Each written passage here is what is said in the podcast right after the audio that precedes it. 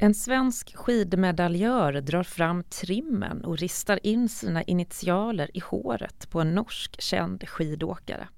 Upptåget skapas som en skämtsam lek mellan de två skidnationerna, Norge och Sverige.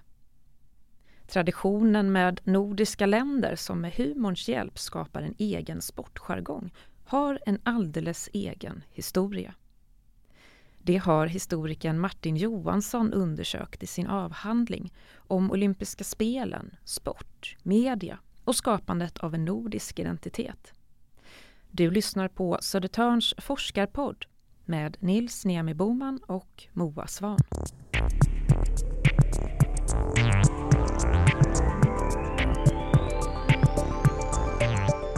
Och idag ska vi prata lite om sport och forskning. Ja, så är det. Och här för att prata om sin kommande avhandling om nordiska grannar och vinterspel har vi med oss doktorand i historia på Samtidshistoriska institutet här på Södertörn, Martin Johansson. Välkommen hit. Tack så mycket. Ja, Martin, du har ju skrivit av, eller håller på med avhandlingen, ska jag säga, Lekar bland grannar, som handlar om nordiska grannländer i dagstidningar kring de olympiska spelen. Varför har du valt att titta på just specifikt OS för att analysera det här?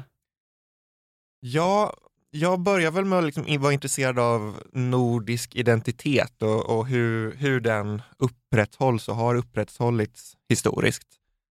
Eh, det finns väldigt mycket forskning om nationell identitet och så finns det kring det globala, det finns kring det europeiska och det västerländska.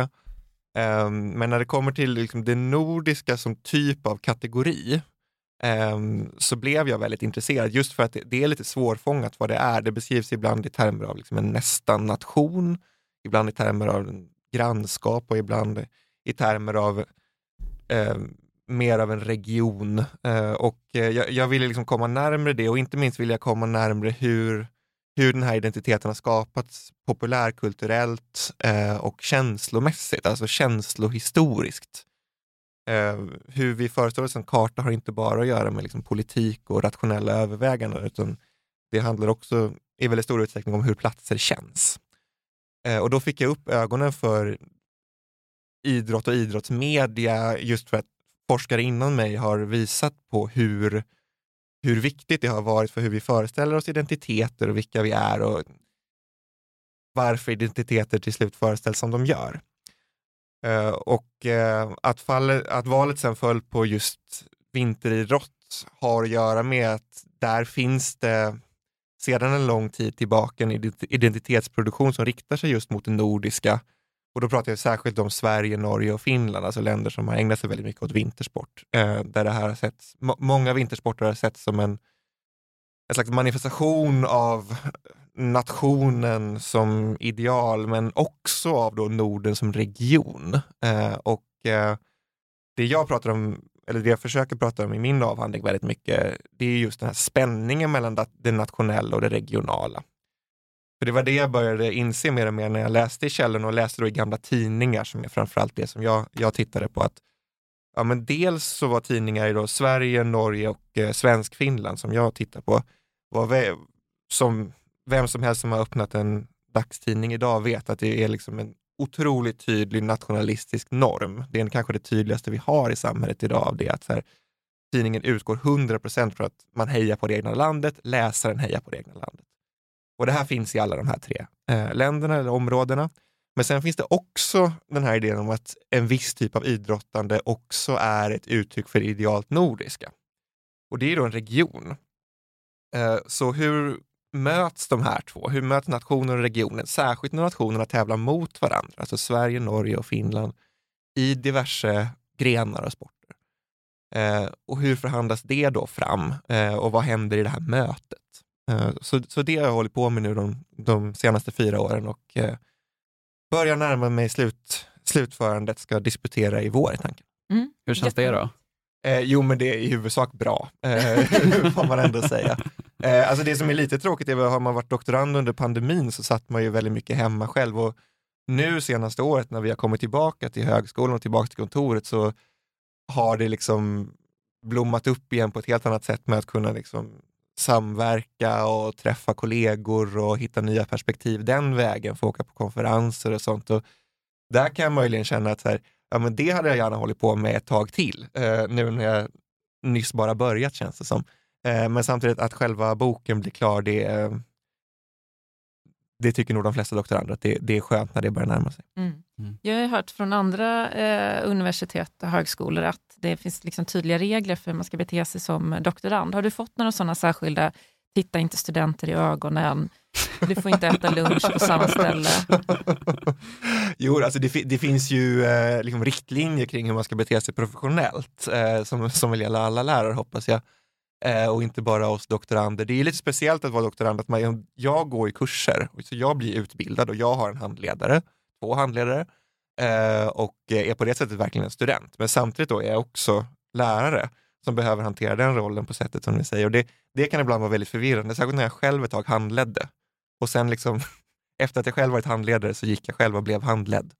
Eh, och eh, att hitta balansen där är väl viktigt, liksom, kunna skilja på de här olika rollerna. Och, ehm, ja, ju, just vad gäller så här, titta inte studenter i ögonen, det tycker jag låter lite väl kanske. Okej. Det, det kanske är något annat lärosätt. Den, den grejen kanske jag hittade på, utan snarare sådär, ni får inte äta lunch med studenter. Det tror jag har Mm. varit. Ah, ja, ja, men Ja. Det, kan nog, det kan nog stämma. Det kan stämma, det ska man inte göra. Mm. Men alltså, du börjar ju någonstans 1936, det är det första Mm. eh, vinterspelet som du har tittat på och vi har försökt att öva uttalandet av platsen. Eh, Ja. Garmisch-Partenkirchen, hamnar vi rätt Det där? lät Ja. helt perfekt. Ja. Mina, alltså, min tyska är också dålig, men Ja. så vitt jag kan höra så... Det var i Det där var. Tyskland. Och, Ja. Ja, man- södra Tyskland, eller hur? ja, det är ganska nära gränsen till eh, Österrike. Mm. Eh, precis. Men när man tänker då 1936 och Tyskland och historia, då är det liksom vanligaste att man tänker på hur nazismen börjar ta makten Mm. och, och sådär. Eh, men du tittar liksom på det specifikt nordiska. Hör det ihop på något vis, eller hur kan man liksom se på det? Ja, alltså det har varit en stor paradox med den här forskningen jag ägnar mig åt, att liksom titta på 1936 utan att ha liksom nazismen som mitt huvudsakliga studieobjekt, för den är ju överallt och det är som ni säger, det absolut liksom starkaste konnotationen som 1936 OS Tyskland ger, det är ju såklart den här liksom propagandamaskinen som stod bakom hela den här OS-apparaten. Det är framförallt då sommarspelen i Berlin 36 det året som är känt, men på den här tiden var det praxis att eftersom OS, vinter-OS och sommar-OS gick samma år, att man, om man organiserade sommar-OS, också organiserade vinter-OS. Mm. Och vinter-OS var Mm. mycket mindre. Ehm, men att eh, Nazityskland då stod värd även för vinterspelen.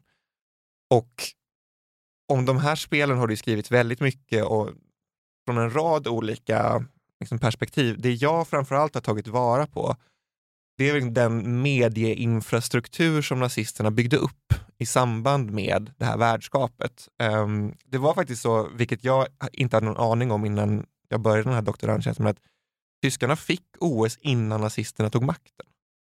Ehm, nazisterna själva var från början något skeptiska till den olympiska idén, för man ansåg att det var, det var anglosaxiskt, det var borgerligt, det var inte helt och hållet det här som de ville ägna sig åt, som var mer någon slags kroppspropaganda i ren estetisk form. Nu hårdrar jag det här.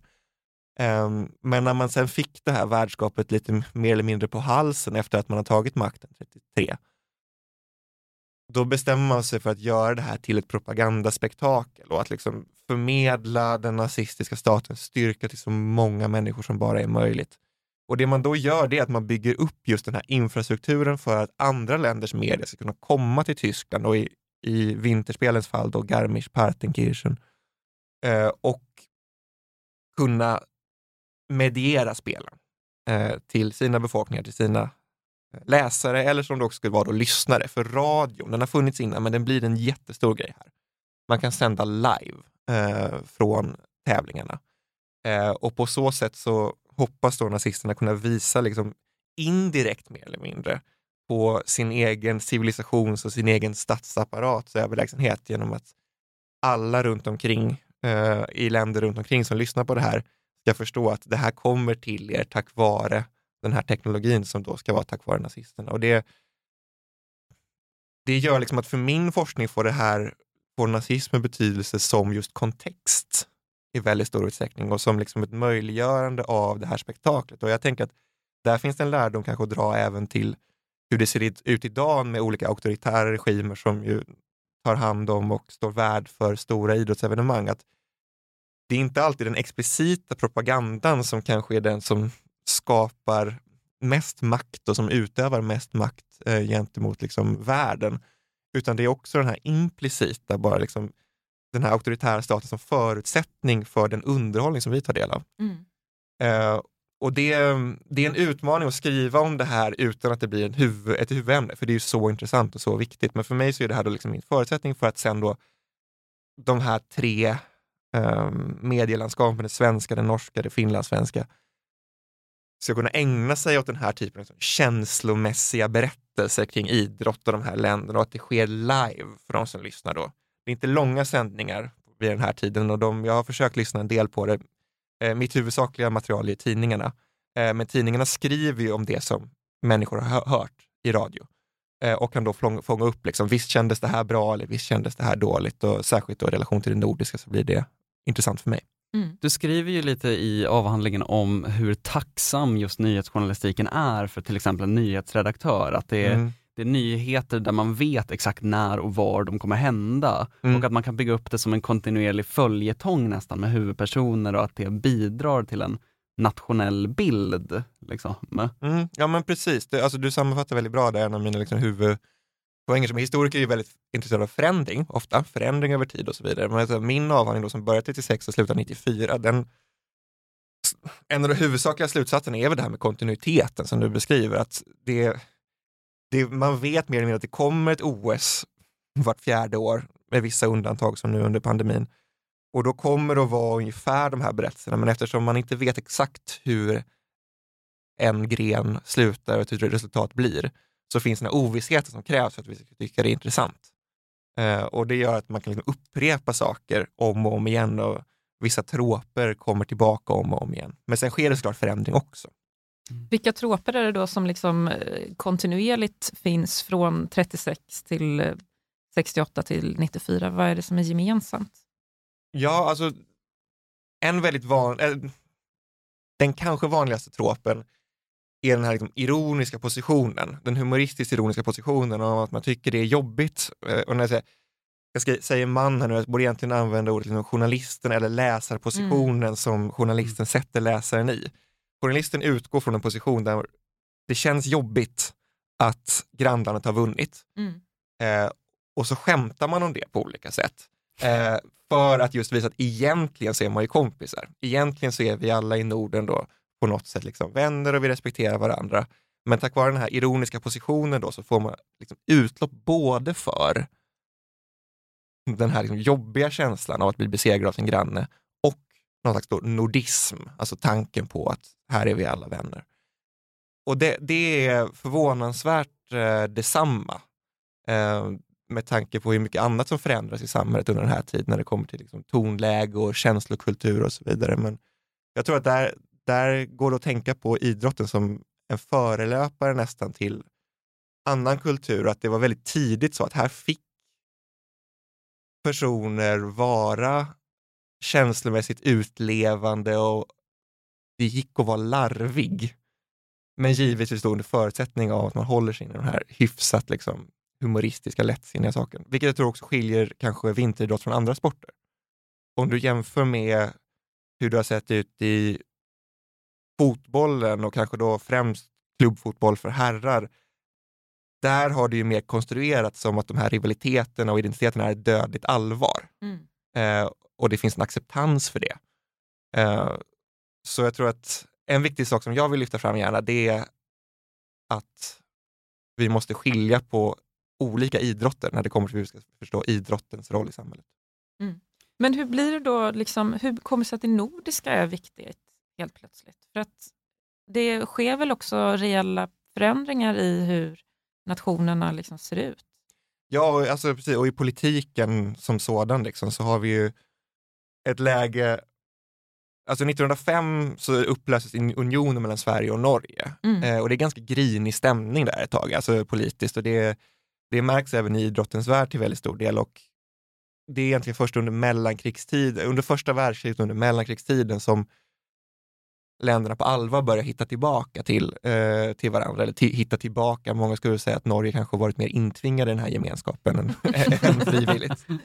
Eh, men att det, och, och, här finns det verkligen liksom en, en utrikespolitisk process som leder fram till att de här små länderna i norra Europas utkant börjar ty sig mot varandra.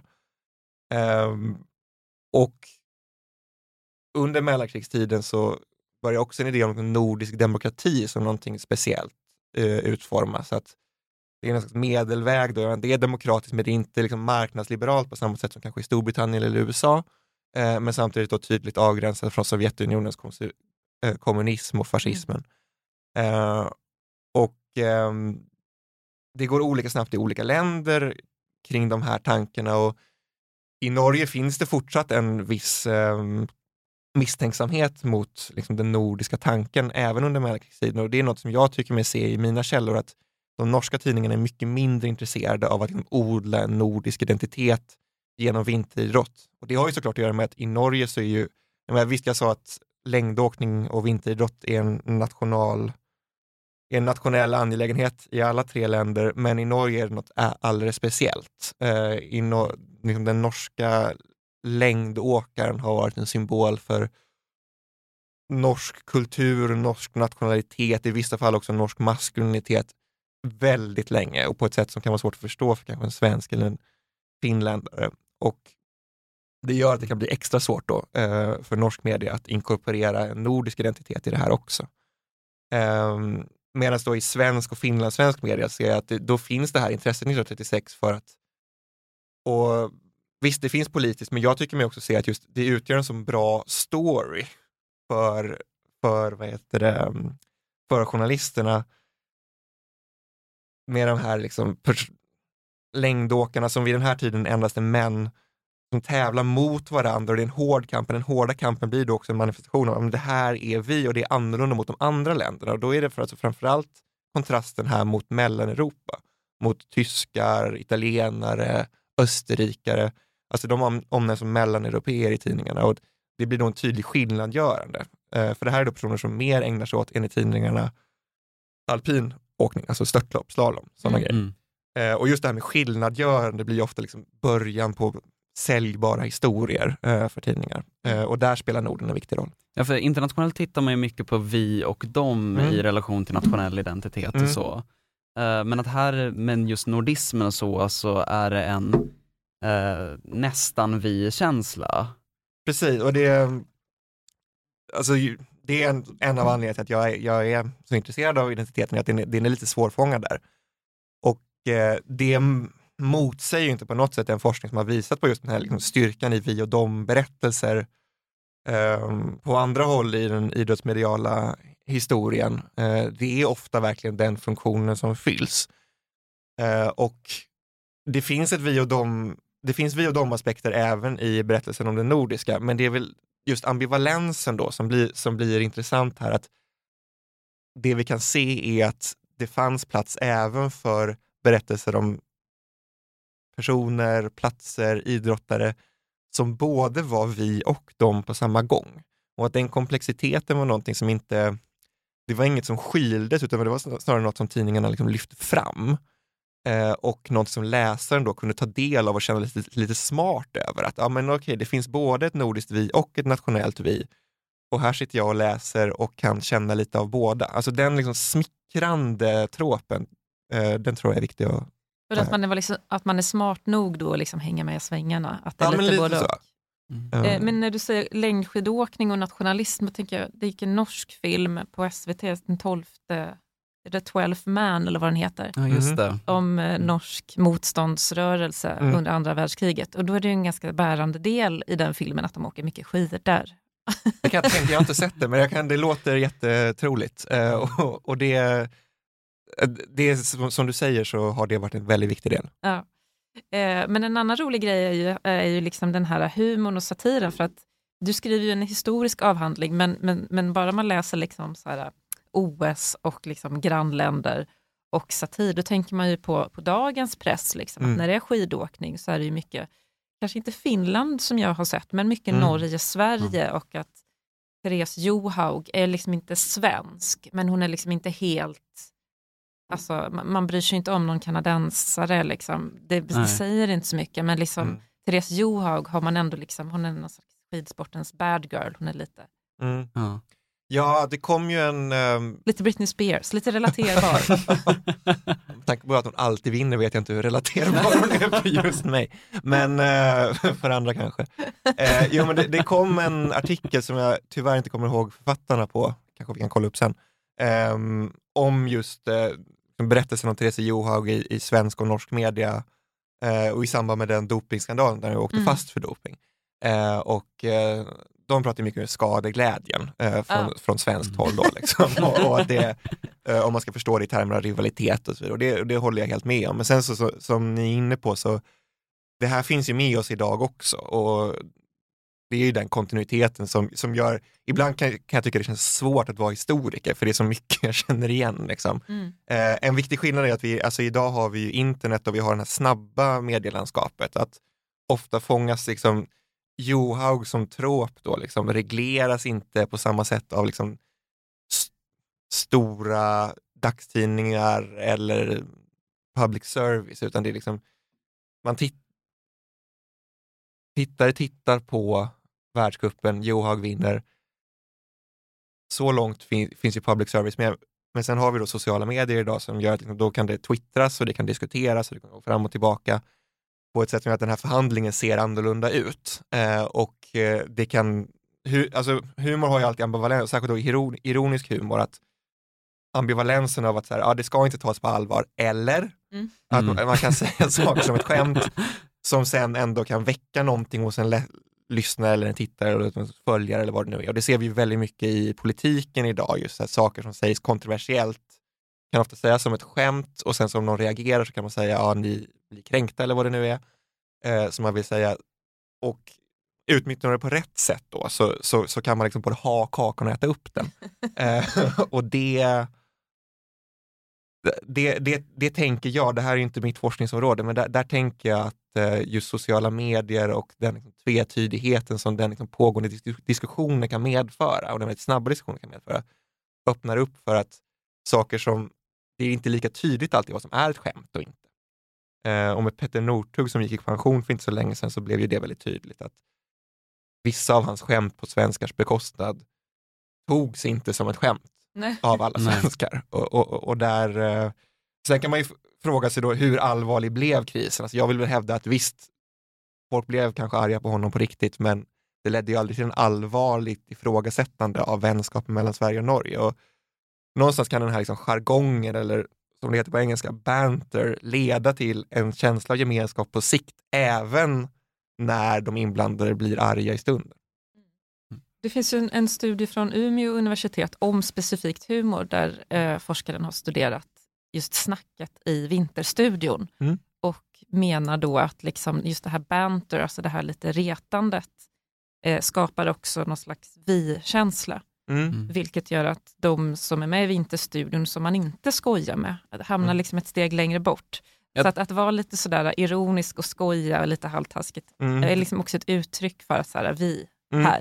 Det där kan Eh. man väl känna igen lite med Finland kanske, att de kommer väl inte in i de här komiska sketcherna och så på samma sätt riktigt. Jo, men det finns det och det, och det har varit, eh, alltså, jag är med i liksom forskningsprojekt som forskar om Norden där vi då givetvis också liksom samarbetar över nationsgränsen och det blir, ibland blir det en väldigt kon, konstig metaupplevelse av att så här, jag stöter ju också på de här liksom, skämten och jargongen och troperna liksom.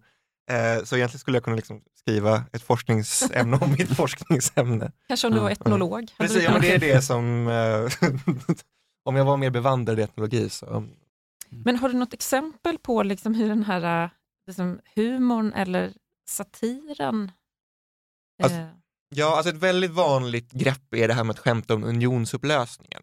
Eh, och här kan jag faktiskt se liksom en, en förändring att på 30-talet är det för känsligt fortfarande. Det, det, gör, det gör de inte, liksom, alltså mellan Sverige och Norge. Men 1968 och 1994 som är liksom de spel under efterkrigstiden som jag framförallt tittar på, där ser jag att eh, det här liksom ganska trötta skämtet om att här, Sverige borde ha behållit Norge för då hade vi blivit bättre på skidor. Det förekommer väldigt ofta. Men det är också ett skämt då som, som reproduceras i Norge. Alltså då, eh, norska tidningar berättar om att nu har svenska tidningar skrivit det här och här är också språkförståelsen en väldigt, väldigt viktig roll. Alltså att du förstår ju någorlunda norska och no normen förstår no någorlunda svenska. Och det gör då att man kan använda sig av såna faximiler, alltså urklipp. De här skämten då är ju inte ägnade att väcka anstöt när de norska tidningarna reproducerar dem, utan det är ju snarare då skratta åt svenskarna som är så tokiga, eller vad det nu är. Eh, men också just lyfta fram det här att vi kan skämta med varandra mm. och att det är en viktig sak. Men du sa tidigare att Norge har historiskt varit lite mer skeptiska till den här mm. eh, tanken om nordism. Mm. Har det också att göra med det här, det, de traditionella maktförhållandena här, att Sverige har utövat mer makt över Norge jo, tidigare? så är det ju. Eh, och det märks ju även i finskspråkiga medier som jag då tyvärr inte har med i min avhandling. Eh, där finns det ju forskning som visar på att det fanns ju en ovilja att närma sig det nordiska just för att det största landet i Norden var och är Sverige. Och man vill inte associera sig med eh, då en, en makt som tidigare hade haft makten över en själv på det sättet. Eh, och eh, som du säger, det är helt riktigt att för det nyligen självständiga Norge under första hälften av 1900-talet så var, var det här med närmande till det nordiska känsligt på grund av unionen.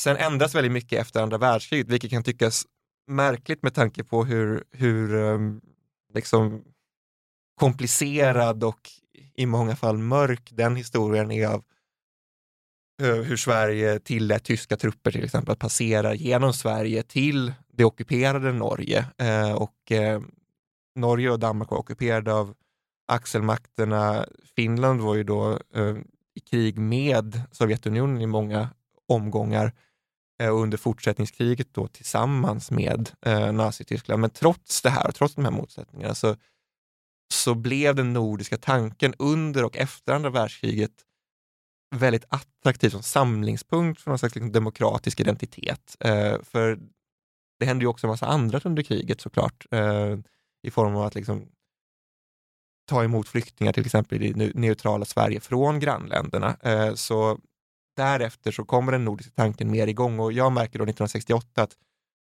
de norska tidningar jag tittar på då, där är liksom det nordiska mycket mer en, en naturlig referenspunkt eh, och det är till och med så att de eh, kan uttrycka liksom supporterskap för svenskar i framförallt grenar där normen inte är med och tävlar. Men vi undrar ju lite, Jan Nils, om hur det har varit för dig att skriva din avhandling. För det var du som kom på det, Nils, att du måste ja. ha skrivit samtidigt som det har varit vinterspel i OS i Peking. Ja, det var ju i Beijing bara nu i februari. Mm. Vad, gick det att sitta och titta på det som sportentusiast eller satt du liksom och skrev en avhandling i huvudet? Ja, alltså min, alltså ett, ett väldigt viktigt mål för liksom min avhandling är att den här ska gå att läsa även för någon som är helt ointresserad av sport. Eh, så i princip så hade, alltså jag hade kanske inte behövt eh, titta, men, men jag, jag, är ju själv sportintresserad så jag tittade då. Det, det var på många sätt, alltså det, det kan vara påfrestande att eh, bli påmind så otroligt mycket om ja, sitt jobb helt enkelt. Eh, och eh, det här måste, jag menar, människor som forskar om typ politiska partier och så, jag vet inte hur de, hur de mår under ett valår, för det blir bara, de blir påminda hela tiden.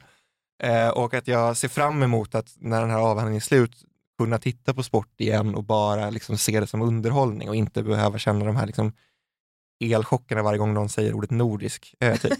men, men, samtidigt är det klart det, alltså, det är klart att det också ger någonting och att det, det, det är intressant att se. Och just OS nu senast i Kina var ju också så otroligt speciellt på så många sätt och, och jag funderar kring liksom just vad är framtiden för den här institutionen? Hur mycket kommer hur mycket kommer folk bry sig? Det sänds ju numera inte i public service längre eh, och jag mm. märkte bland mina vänner att det var betydligt färre som följde mm. eh, tävlingarna. Eh, och eh, då är frågan den här kontinuiteten som jag lyfter fram då liksom historiskt, vad får den för betydelse i vår samtid och i framtiden? Liksom, kommer den här avhandlingen att beskriva något som vi upplever som en pågående historia, vilket ju är Samtidshistoriska institutets uppdrag att skriva om?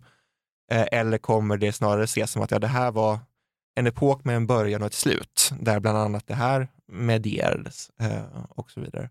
Mm. Eh, så så det, var, det var speciellt eh, och på många sätt lite plågsamt men också intressant. Ja. Men vad säger vi om den nordiska gemenskapen? Har den liksom varit, på något vis, är den, är den verklig eller är det någonting som har försökt att krystats fram? Ja, alltså just krysta tycker jag är ett jättebra ord för att beskriva i, i, hur det ibland har känts, och inte minst på den politiska arenan, så präglas ju det nordiska samarbetet ofta av att de inte når ända fram. Alltså Nordek var en sån sak som diskuterades 1968 som jag tittar på, alltså en ekonomisk union som det eh, blev ganska lite av. Eh, det är fortfarande så att alltså, de nordiska länderna inte går med gemensamt i EU till exempel. Mm. Nu kanske NATO händer, men det har fortfarande inte varit så och så vidare. Eh, det har funnits politiska samarbeten, men, men många forskare innan mig har ju pekat på att ja, men där det nordiska samarbetet liksom tycks finnas mest, det är som det här liksom antagandet, en bred, en bred föreställning om att ja, men det finns någon slags kontaktyta här för de här länderna. Eh, och att väldigt mycket av det vi kallar civilsamhället, alltså tittar vi på folkhögskolor, föreningar, eh, har organiserats nordiskt och med nordiska vänföreningar på olika sätt. Och, eh, inom kultursfären så samarbetas det ofta, exempel inom filmen då, med att få mm. finansiering och liknande. Eh, och ehm, där le, alltså, det lever fortfarande och eh, är tämligen starkt idag skulle jag vilja säga. Och det min avhandling kan ge är väl då en teori kring hur det här kan upprätthållas, liksom vilken typ av mekanismer som gör att det här antagandet fortsätter att leva kvar eh, och varför vi ser det som det gör. Eh, för, för, jag forskar ju då bara om tre områden, Sverige, Norge, Svensk, Finland, men jag tror att liknande mekanismer går det nog att hitta på andra platser, dels inom idrotten, eh, men, men också på andra platser runt om. Eh, och eh, nu är ju världsläget väldigt osäkert och vem vet var det kommer att ta vägen någonstans. Eh, men jag tror nog snarare det, gick, alltså, det var mer befogat att prata om en nedgång i nordismen under 90-talet när muren föll, det europeiska samarbetet kom igång. Då var det fler som frågade sig vad, vad ska vi med Norden till? Idag skulle jag säga på ganska många håll på den politiska skalan så, så är Norden ganska accepterat som en referenspunkt. Ja, men då tackar vi så mycket för att vi fick höra lite om din avhandling så här innan den har eh, kommit ja, ut. Precis, hoppas jag inte ändrar allt nu med ett halvår kvar, men det, det, ska jag inte göra, då blir min handledare arg tror jag. det vill vi inte ska hända. Ja, tack i alla fall eh, Martin Johansson för att du var med i Södertörns forskarpodd. Tack så jättemycket för att jag fick vara med. Det här var Södertörns forskarpodd. I studion Nils Niemi Boman, producent Moa Svan.